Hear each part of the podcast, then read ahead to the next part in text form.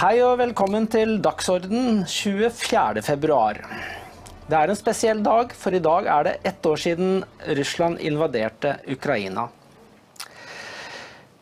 Denne krigen har jo preget uh, vår hverdag og Europas hverdag uh, i et år. Uh, vi skal ikke snakke så mye om krigen i Ukraina i dag.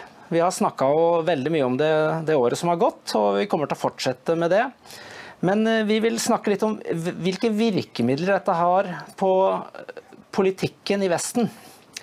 For det er jo kjent at hvis du har krise internt, så er det alltid greit å skaffe seg en ytre fiende. Og vi har vel en liten følelse av at eh, Putin er jo veldig nyttig i den sammenhengen. Kristiane, er du ikke litt enig i det? Jo, eh, vi må, vi må, kanskje si litt om krigen for å kunne knytte det til eh, dette her. Fordi ja. uh, altså, alle sa først at de, de trodde ikke på krig.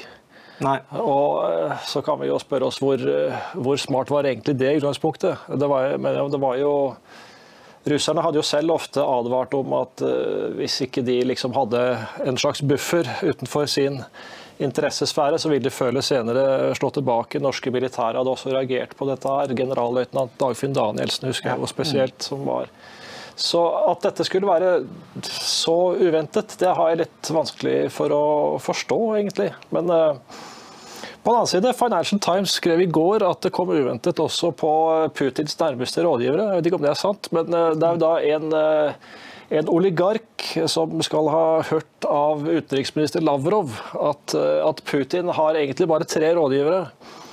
Det var Ivan den grusomme, Peter den store og Katarina den store. Så, så hvis ikke Lavrov engang visste om at han hadde tenkt å gå til invasjon, så mm. ja, det, jeg vet ikke, det kan godt hende at Putin er såpass eh, egenrådig. Eh.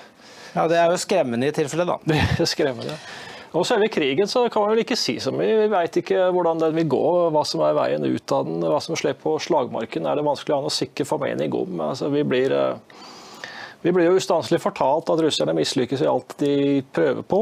Eh, propagandaen på russisk side er selvfølgelig helt motsatt. Ja, Det er jo den krigens tåke som vi har snakka om. Men, men det, det, er jo da interessant, fordi eh, det betyr at vestlige medier i stor grad har blitt talerør for vestlige myndigheter. Mm.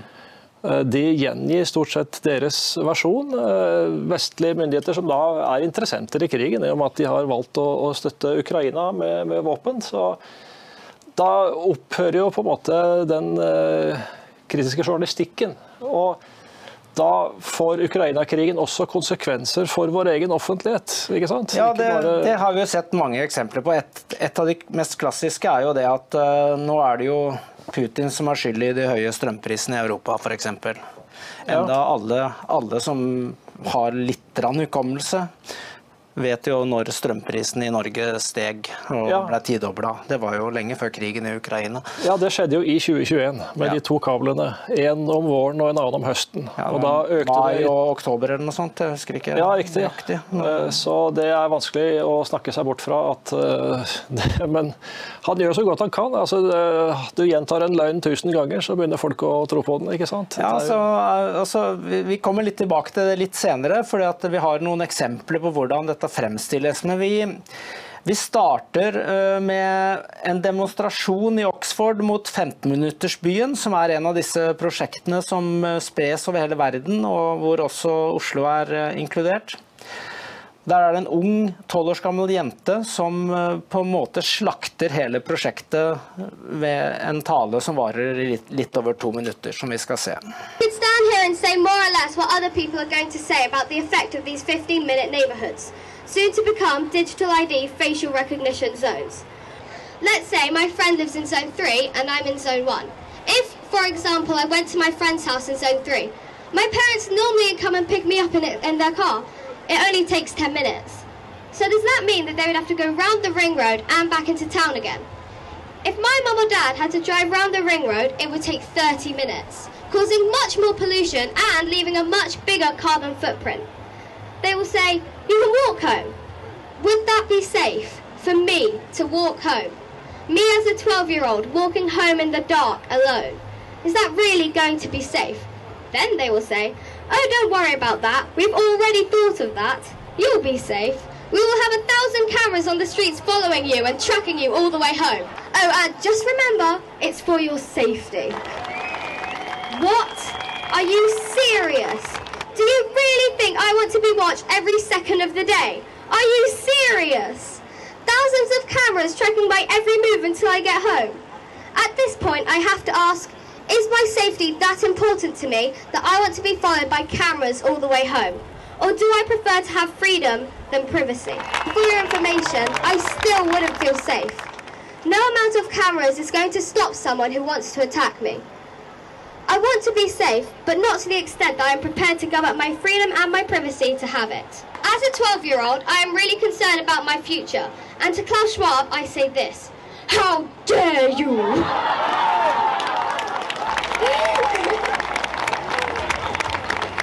How dare you steal my childhood and my future! And the future of all children by enslaving us in your crazy digital surveillance prison. We all know where this is leading. These are the first steps of a dystopian reality called 15 minute neighborhoods. From a small seed, a huge tree can grow. Climate change is being used to control us, to nudge us in the direction the greedy people want us to go. The truth is that the greedy people want total control over everything we do, everything we think, and everything we say. Our government has been hijacked by greedy and selfish imposters posing as politicians. They believe they are better than us and masters over us. And until this problem is effectively dealt with, the tyranny will continue. Thank you.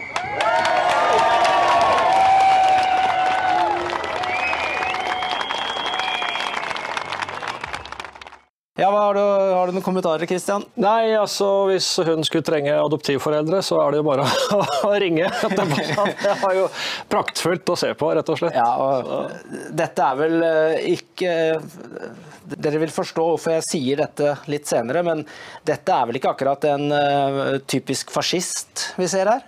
Nei, det er jo Det er vel heller en datter av en av, kanskje akademikerne eller de høyst, høyst utdanna folka i, i Ja, ikke sant. Men det, det hun skisserer, det er jo egentlig motsatsen til fascisme. Yes. Altså, det er jo snarere fascisme vi blir påtvunget av alle disse velmenende menneskene som skal eh, bestemme hva slags eh, biler vi skal kjøre og hva vi skal spise og alt sånt. Det er, eh, Kent Andersen, vår kollega, har jo sagt flere ganger at, at klimasaken den er litt som en, eh, en Swiss Army knife. Altså, det er en politisk Ja. Swiss Army knife. Den kan brukes til alt. Og det, det ser vi jo gang på gang, at da man skal eh, bortforklare ting eller gjennomføre ting, så bare viser man til den. Og så er det, det er på en måte trumf. Ja. Da har du ikke, da har du ikke noe andre kort du kan spille.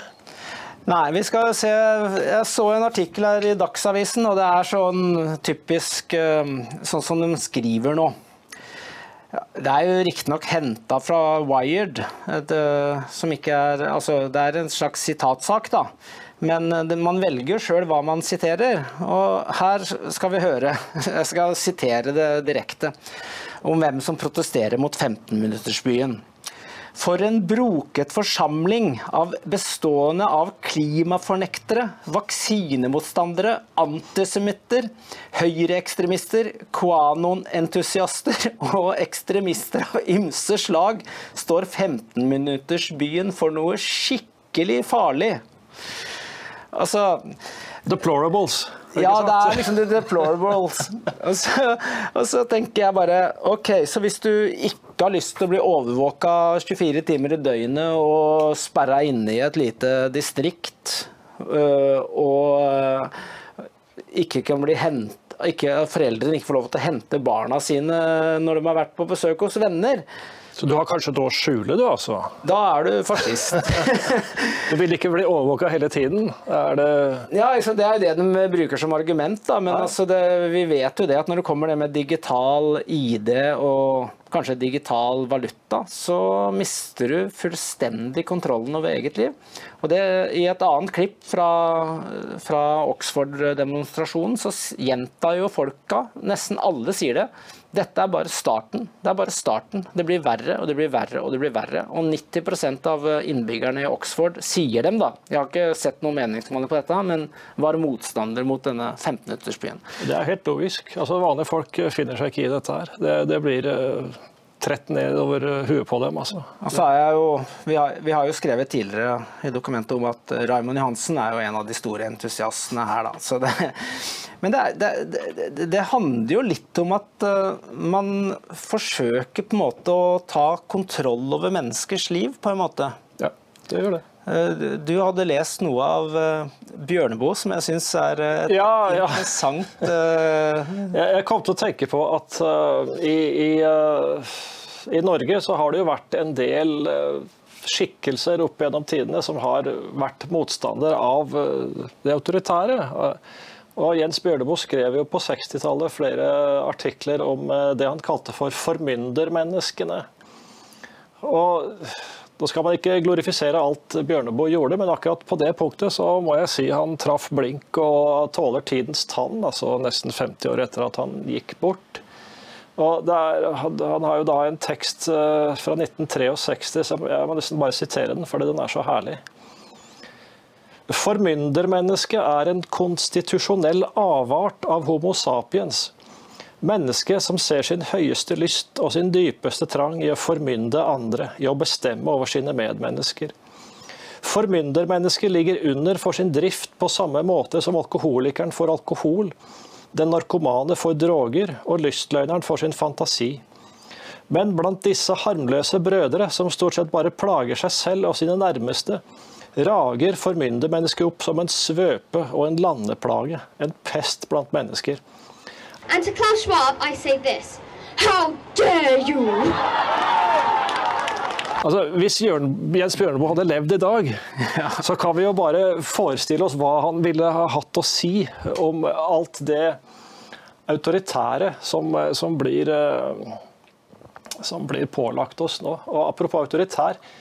Eh, altså Om klimasaken er en Swiss Army Nuff, så er Ukraina-krigen blitt det samme. Du kan mm. bruke den politisk. Eh, og Nå har jo Audun Lysbakken, SV-lederen, den som i sin tid måtte gå av som statsråd fordi han var under korrupsjonsgranskning og fremdeles er SV-leder. Det er liksom glemt og tilgitt nå. Mm.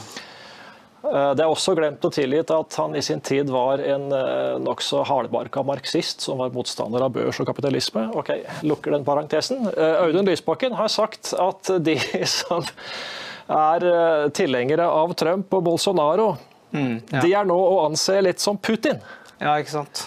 Og der, der, har du virkelig et skarpt knivblad på den uh, Ukraina-Swiss Army-knifen. Altså. Jeg lurer litt på hvem uh, Lysbakken mener Trump har angrepet. For det var ja, Han som ikke starta noen kriger. ikke sant? Ja. Så, Så, det blir liksom helt håpløst. Og... Men, men, han sier jo da, Lysbakken sier da at det som blir sentralt nå, det er kampen mot det autoritære ytre høyre. Ja. Men altså, venstrefolk og venstreglobalister de er jo alltid skyldige i det de beskylder andre for. Ja, altså, Hvem er mest autoritær? Altså, De som har sans for politikken til Trump og Bolsonaro, det er folk som ønsker nasjonale demokratier og som ikke ønsker overnasjonalitet, globalisme og altså Ja, og Kanskje har litt sansen for individuell, individuell frihet òg, da. Sånne gammeldagse ja, ting som det. Ikke sant. Så hvem er egentlig mest autoritær? Er det de som er talspersoner for eh, overnasjonale organisasjoner? Er det eller er det de som bare er eh, tilhengere av nasjonaldemokrati? Det er ikke noe å lure på. Altså, når EU-kommisjonen eh, herser med land som Ungarn og Polen, hva er mer autoritært enn det? da? Du skal fortelle dem hvordan de skal styre sine land? Ja, men eh, de følger jo ikke, de følger jo ikke lover og Eller de følger jo ikke den nye politikken som er bestemt. Og hvis du ikke følger det som du blir kommandert, så er du totalitær. Det blir, det blir ja. jo helt merkelig.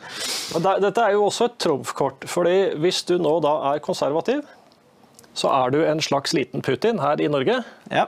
Og hvis du er en liten Putin, da er det jo legitimt å hjelpe den som måtte krige mot deg. ikke sant? Ja, ja, Vi kan gi våpen. altså, da, da, Og da flyttes på en måte Ukraina-krigen inn på det innenrikspolitiske. Det, det, er veldig uh, altså, Det er jo kan si, dyktig gjort, da, sånn sett fra en politisk agitators synsvinkel. men det er altså veldig viktig at man ikke lar seg lure av dette her. At man ikke lar seg utnevne til putinist.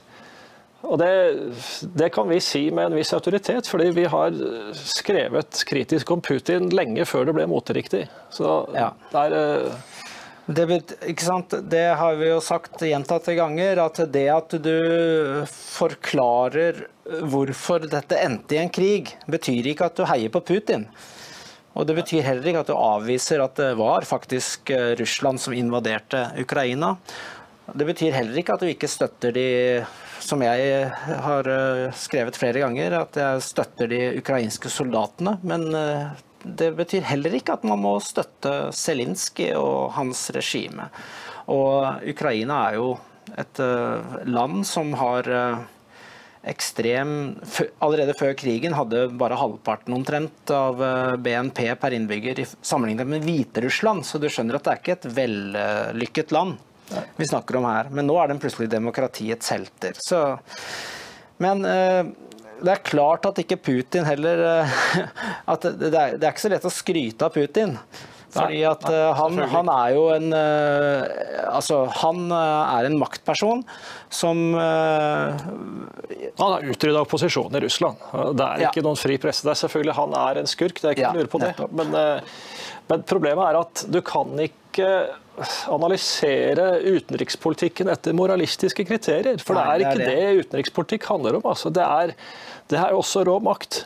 Nettopp. Og Hvis det kommer ned til rå maktbruk, så, så, kan du på en måte ikke tro at du bare kan eh, valse over Russland. Jeg så jo det Rishi Sunak var jo ute i dag og sa at nå er det bare å hive jagerflyet til, eh, til Ukraina og sånne ting. Så hvor, hva er det neste skrittet når du har gått forbi artilleri, langvarende artilleri og, og jagerfly? Da er det, det er liksom toppen av det du har av eh, militær makt, bortsett fra atomvåpen, da.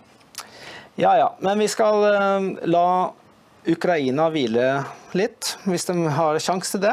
Så skal vi gå videre med han, mot, han tilhengeren av 15-minuttersbyen Raymond Johansen, som nå Det er et eksempel på det der oppgjøret med intern uh, motstand, som vi er litt inne på her. Han tar da et kraftig oppgjør mot strømpopulistene. Og der har du jo et herlig ord.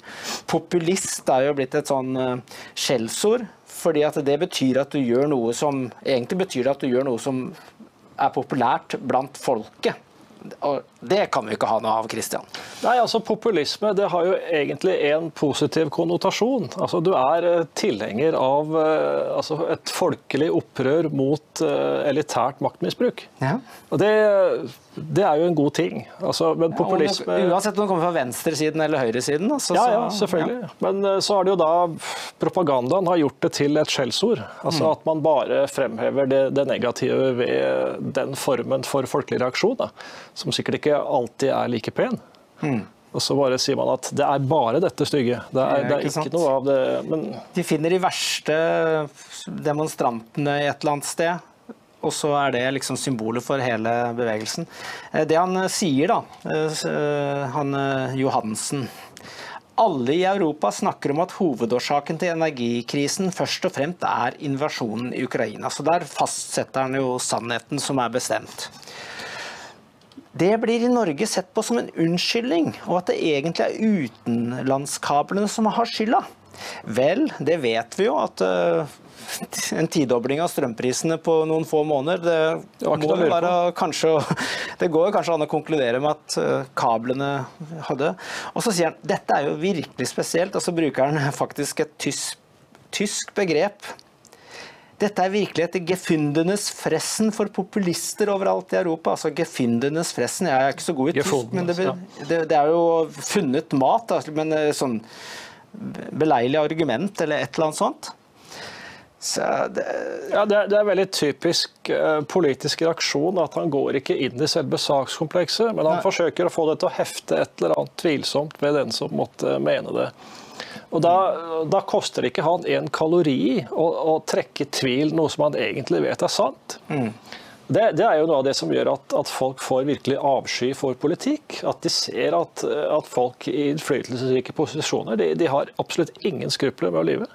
Nei. Altså helt null. Så, så, hvis du kan bruke det politisk til å sverte den motstanderen Det er på en måte et totalt bortfall av fair play. Og, folk flest liker jo fair play. De liker det i sport, iallfall. Ja, og gjerne liksom Også i sport da, så er det jo ofte sånn at man heier litt på underdogen. Ja. Men i politikken så er jo underdogen død.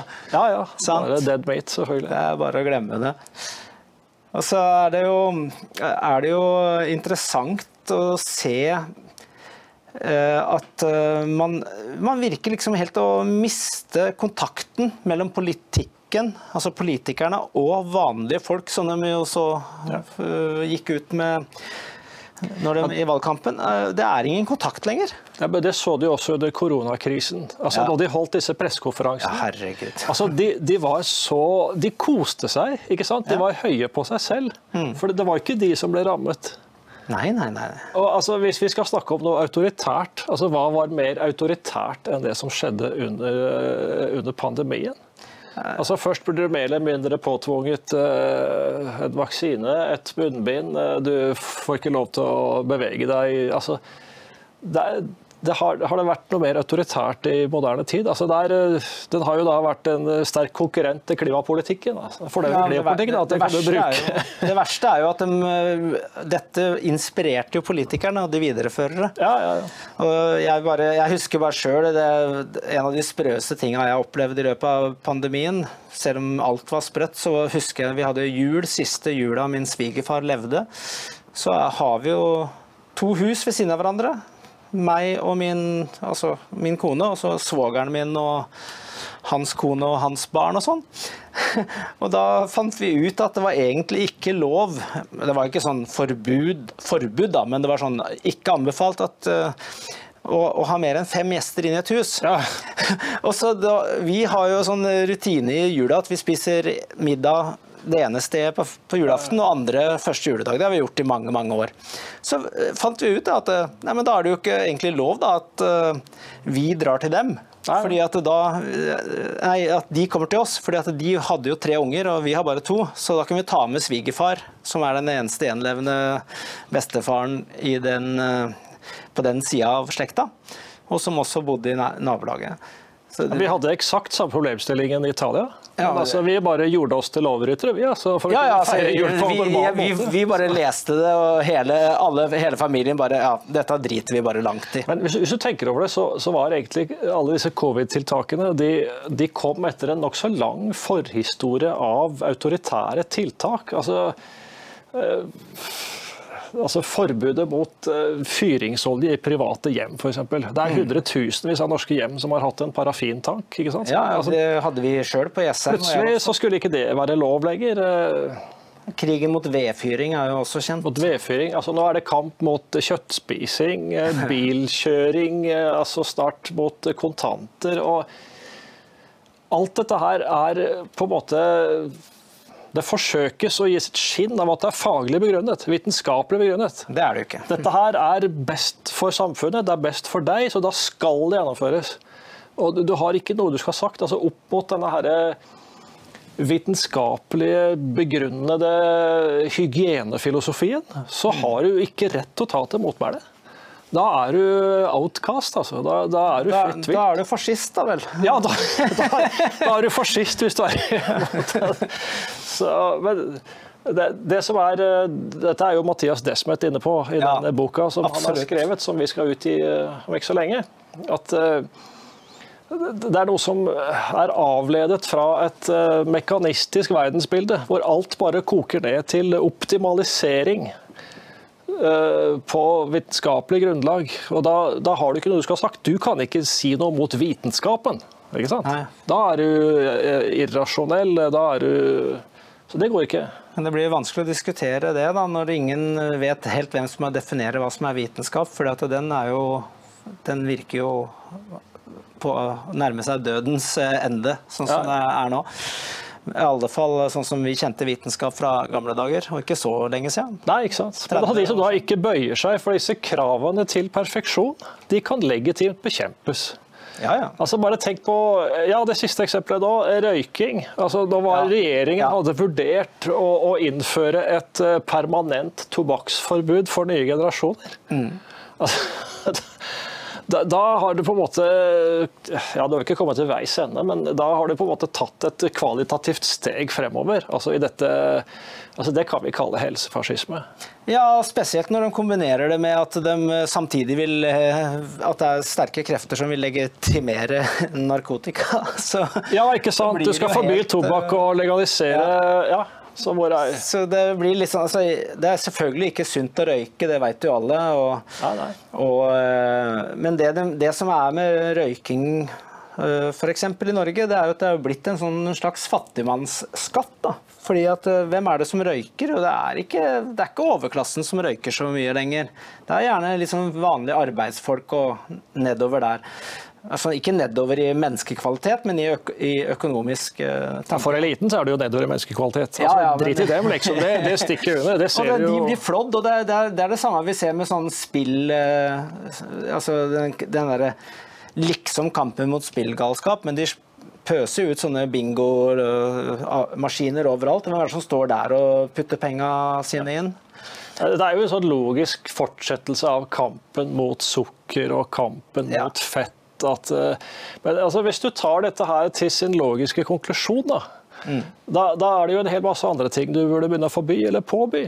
Mm. Altså, det er jo farlig ikke å drive fysisk aktivitet. Skulle man da f.eks. ilegge ekstra skatt til noen som ikke har eh, medlemskort i et treningsstudio? Eller, det er jo, ja, det det er jo liksom... bare fantasien som setter grenser det blir den der, det det er jo sånne ting som iallfall jeg er veldig kritisk til, er at staten driver med ting som de aldri burde drevet med. De skulle drevet med kjernevirksomhetene sine, og ikke blande seg inn i vanlige folks liv. Og så kunne vanlige folk eh, gjøre gode og dårlige valg. For sånn gjør jo alle oss i livet. ikke sant? Vi gjør eh, tabber, og vi dummer oss ut, og vi går på smeller. Og det er bare sånn livet er. Og det blir ikke bedre at det skal inn i en annen statlig eh, regulering, det er iallfall helt sikkert. Altså, hvis man skal forby tobakksrøyking, så burde man jo i prinsipp også forby selvmord. Ja, men, men altså, er jo flere... Selvmord er jo lov. Det var, det var jo dødsstraff for selvmord jo, i altså, gamle dager, men I lang tid så har det nå vært sånn at man skal ikke uh, moralisere over selvmord. Altså, det skal man forstå. ikke sant? Selvmord det, det, ja, det skal til og med assisteres, sånn som i Canada. Det skal til og med assisteres. Ja. Så det blir veldig selvmotsigende. At du På den ene siden skal du beskytte livet, på den andre siden så er det fritt fram til å gjøre slutt på det. Ja, det er akkurat det. Vi har jo skrevet noen saker om det med assisterende selvmord og, som er på, i vinden, spesielt i Canada, men også en del europeiske land. Og det er ubehagelig lesning, for det betyr at man fjerne livets verdi. Da. Det, det, er det jeg reagerer på. Ja, Eller du gjør det til et spørsmål om penger. Fordi Nettopp. Hvis det er sånn at tobakksrøyking må forbys, så er det fordi at helsevesenet koster penger. Ja. Hvis du bare tar livet av deg på en sånn eutanasiklinikk, så betaler du kanskje selv for tjenesten. Det er, altså, og da, da, har det virkelig redusert mennesket Det var jo hun, var en offiser i Canada, eh, eller jeg mener det var Canada, som hadde blitt skadd i krig og var i rullestol. Og så han, fikk han aldri den uh, rullestolheisen opp trappa si, så hun maste så mye at til slutt så sa de at men kan du ikke bare ta selvmord? Ja, ikke sant? Og det, det, det, sier litt om eh, menneskerespekten vi har. Men Siden du nevner Canada, ja, kjøp det, det, er jo, det er jo nettopp også i Canada at vi har sett den herligste protesten mot ja, alt dette formyndervesenet. Altså trøkkerne sist vinter. Ja, det var fantastisk. Altså, det, der, de vant jo fram. Den vitaliteten og den, den livsgleden som de viste denne her ja, var det tre uker det varte? Det var jo en slags vinterversjon av eh, Ja, det var, ja, det var Woodstock. Uh... De drev jo og hadde lekeslott for barn og sånn, så det var jo fascisme igjen, da. Ja, det...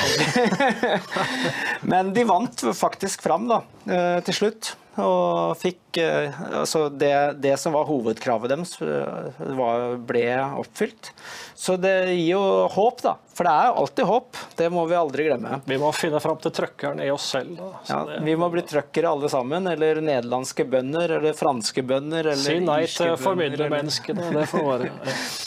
Jeg skal bare nevne, Vi må bare nevne litt om eh, den der, Vi skal ikke bruke for mye tid på det, for nå begynner folk å bli drittlei ved Nasjonalmuseet og den boikotten av um, Christian Krogh. Men eh, jeg bare merka meg den uttalelsen til Trettebergstuen, som sier at eh, altså det som er Poenget er at hun virker ikke å forstå at Og det er ikke bare hun, men Heidi Nordby Lunde skriver en artikkel i ABC Nyheter og liksom at latterliggjør liksom protestene. For Heidi Lunde visste jo ikke om dette bildet engang. Så da tenkte jeg at det har ingen betydning for resten av landet. Og og peker på at det er, det er bare sånn en panisk uh, reaksjon. og ditt og De, de, virker ikke å forstå at det er en slags folkelig reaksjon på at den woke-kulturen har gått for langt. og at Det blir så mange ting. Og nå har vi hatt tre-fire ting i løpet av en uke ikke sant? Med, med den utestengning av filmen, den barnefilmen som jeg ikke husker hva heter. Ja, men De er politikere, vet du. Så ja. de, de resonnerer ikke ut fra noen eh, indre overbevisninger om hva som er rett og galt, men de, de, de ser an stemningen og satser på ja. det som virker eh, mest lovende. Ja, det, det er litt sånn det føles. Altså. Men for, for, min del så Jeg går jo ikke på Nasjonalmuseet så ofte, fordi at jeg bor jo i Stavanger. Men jeg lovte en uh, Facebook-venn å prøve å ta et besøk nå, men det har røket pga. Uh, andre planer, da. Men jeg skal dra dit. Men det de løste problemet med, var å si at ja, vi henger det opp igjen, men det var jo bare fire uker. Ja vel. Et taktisk tilbaketog for Woke, kan du si. Så. Ja, det var liksom sånn der, vi tar en, det er litt sånn reorganisering, som vi sier på militæret. Ja, ja. At, taktisk tilbaketrekking. Du trekker deg tilbake og skaffer noe mer ammunisjon og gjør deg klar for neste del av striden. Men det vil de sikkert også gjøre hvis folk begynner å gjøre opprør mot formynderstaten. Å, At de kanskje vil bare vil gi etter på noen litt for provoserende punkter, og så bare ligger de på lur, og så gønner de på igjen når det har gått en stund. Ja, det, det, det er litt sånn som jeg føler det. Så trenger vi folk som går går til krig mot hele pakka. Altså krig, snakker jeg da ikke fysisk krig, da, men altså går til kamp. da. Og bare sier nei til alt dette her. For eh, vi kan ikke bare protestere mot én ting. For det er en eh, konsekvent utvikling av samfunnet som vi opplever, hvor vi som individer blir nedprioritert i hver eneste uh, Hver eneste gang så blir vi nedprioritert. Og, Nedprioritert og pålagt stadig mer kontroll. Nettopp. Og, det, det, er den sirkelen vi må bryte. Ja. Nei, sorry, vi skal ha mindre kontroll. Nettopp. Og det, og det, det der må man aldri glemme. Altså. Så har vi jo sett, eh, For dere som kikker litt på Facebook, i ny og ne, så har dere vel sett en del Det har vært enormt mange innlegg nå hvor folk har fått beskjed om sin nye eiendomsskatt. Det er jo folk som har eid et hus i, og er liksom pensjonister og ditt og så bare Oi, nå skal vi plutselig betale 10 000 i skatt for å eie vår eget eh, bolig som de ikke betalte i fjor. da. Så det, det, er liksom angrep fra alle kanter. Vi er, som for å sitere vår gamle krigshelt eh, Nordahl Grieg Han var krigshelt, han var vel egentlig journalist, da, men um, han døde iallfall under krigen. Kringsatt av fiender. Det er det vi er. Kjære venner. Tusen hjertelig takk for den givergleden dere har vist. Eh, villigheten til å hjelpe oss over en vanskelig situasjon i Dokk TV. Jeg vil først og fremst la søylen snakke for seg. Når vi kom med vår appell om eh, hjelp til en vanskelig situasjon der vi lå under på økonomien, så lå vi her. Kun 24 timer etter at vi spurte om hjelp, så skjedde dette. Dere skulle, dere skulle, bare sett reaksjonene i chatten uh, og givergleden. Jeg mener Ja, jeg visste at dere er en av de mest gavmilde publikum noen kunne ha. Fordi antageligvis så føler dere som oss at vi står i en veldig viktig kamp om å få frem sannheten. Og det som skjedde, var at vi fikk en givergjennomsnitt på nesten 300 per giver. Og det var til og med en som ga 5000 i VIPS. Tusen hjertelig takk til deg og til alle dere som har gitt, og gitt det dere kan. Jeg håper ingen har gitt over evne. Det ønsker vi ikke. Nå er det bare en, ja, noen få dager igjen av februar, men som dere kan se på søylen, så ser dette overkommelig ut. Og det ser ut som om vi når budsjettet denne måneden også. neste måned, om helsa holder, og det tror jeg den gjør, så har vi en helt ny Dokk-TV til dere. Det blir mye mer content. Dere får igjen for pengene. Det kan jeg love dere. Så tusen hjertelig takk. Ha en fantastisk helg. Ikke drikk for mye. Og så ses vi. Tilbake til Erling og Christian. Og da må du finne allierte, og det er jo noe av det vi forsøker å få til med våre lokallag. Det er eh, stor vekst her i Oslo. og det er ikke sånn at vi vil ha folk som er enige med oss, men vi vil ha folk som er villige til å snakke om ting og diskutere ting uten å være redd for å si hva de mener. Det er egentlig det det dreier seg om. Ja, for det kan være ubehagelig. Du, du sier ofte ærlig at ikke vær redd for å diskutere, for det, du Ja. blir ikke skutt. Men det kan faktisk være ganske ubehagelig uh, å, å stå opp mot tidsånden. Ja. Så, så, det er, så det med lokallagene, det, det har vi kanskje merka på de siste møtene vi har hatt i Oslo, er at folk syns det er deilig å ha et sted hvor atmosfæren er vennlig. Da. At du ikke blir eh, dømt for å, å si det du har på hjertet. Og det, da kan jo lokallagene tjene til eh, å forstå at du er ikke alene med det du tenker. Det er faktisk en hel masse andre folk som ikke er blitt gærne. Det er ikke du som er gæren. Og det, det som er spennende, det er at slike folk fins i alle politiske partier. Jeg har flere gode kontakter som er i Arbeiderpartiet, i Venstre, til og med i Rødt og, og i eh, ja, alle, egentlig hele linja. Jeg har vel egentlig ingen kontakter i Miljøpartiet til Grønne, det må jeg innrømme. Men det er ikke, det er ikke av min feil, min feil, det, altså. Men ikke sant? det er ikke så viktig hva du mener politisk, men eh, du må kunne diskutere det skikkelig og redelig, og så tåle å være at noen er uenig med deg. Det blir akkurat som å heie på et fotballag. ikke sant? Det blir jo dumt å hate de andre fotballagene bare for at du som sjuåring valgte Kevin Keegan. Det blir liksom for dumt. Det er et slags forsøk på å gjenopprette en normal offentlighet. Nettopp. Der hvor de som er konservative, faktisk har et sted hvor de også kan gå. Så Hmm. vi kan kanskje ha det som en avsluttende oppfordring, at folk som ønsker å tilhøre et sånt miljø, altså Snakk med folk du kjenner i ditt nærmiljø. Hvis dere er mange nok til å starte et lokallag, så bare kontakt dokument. Eh, Og så, nå skyter det opp eh, mange steder i landet, og det syns vi er et veldig godt tegn. Så bli med på den moroa, folkens. Yes, og så, Jeg glemte å nevne det i starten, men som dere ser, så er jo jeg ikke i Stavanger, og Christian er ikke i Bari, som vanligvis. Nei, det er ikke så ofte vi er samtidig Nei, på kontoret, her lenger. Så Vi er jo på kontoret, da. Og, sitt, og sitter Eller sitter ikke, da. Vi står. Vi, jo- vi får ikke lov å sitte, selvfølgelig, men vi står her i studio. Med Dan og Lars til stede og har det hyggelig. Og jeg vil eh, si tusen takk til alle som så på. Tusen takk til Christian og Lars og Dan som vanlig. Og så håper jeg jo selvfølgelig at dere fortsetter å støtte oss, som dere har, vært, eh, har vist enorm vilje til nå i det siste. Vi trenger eh, støtte, og det er jo VIPS 638941 som er det enkleste. Men eh, vi vil gjerne ha abonnem- abonnenter òg. Og vi har bøker, vi har forlag, og det kommer flere bøker nå ganske snart. Og mye spennende som skjer. Så ha en riktig god helg. Takk for det.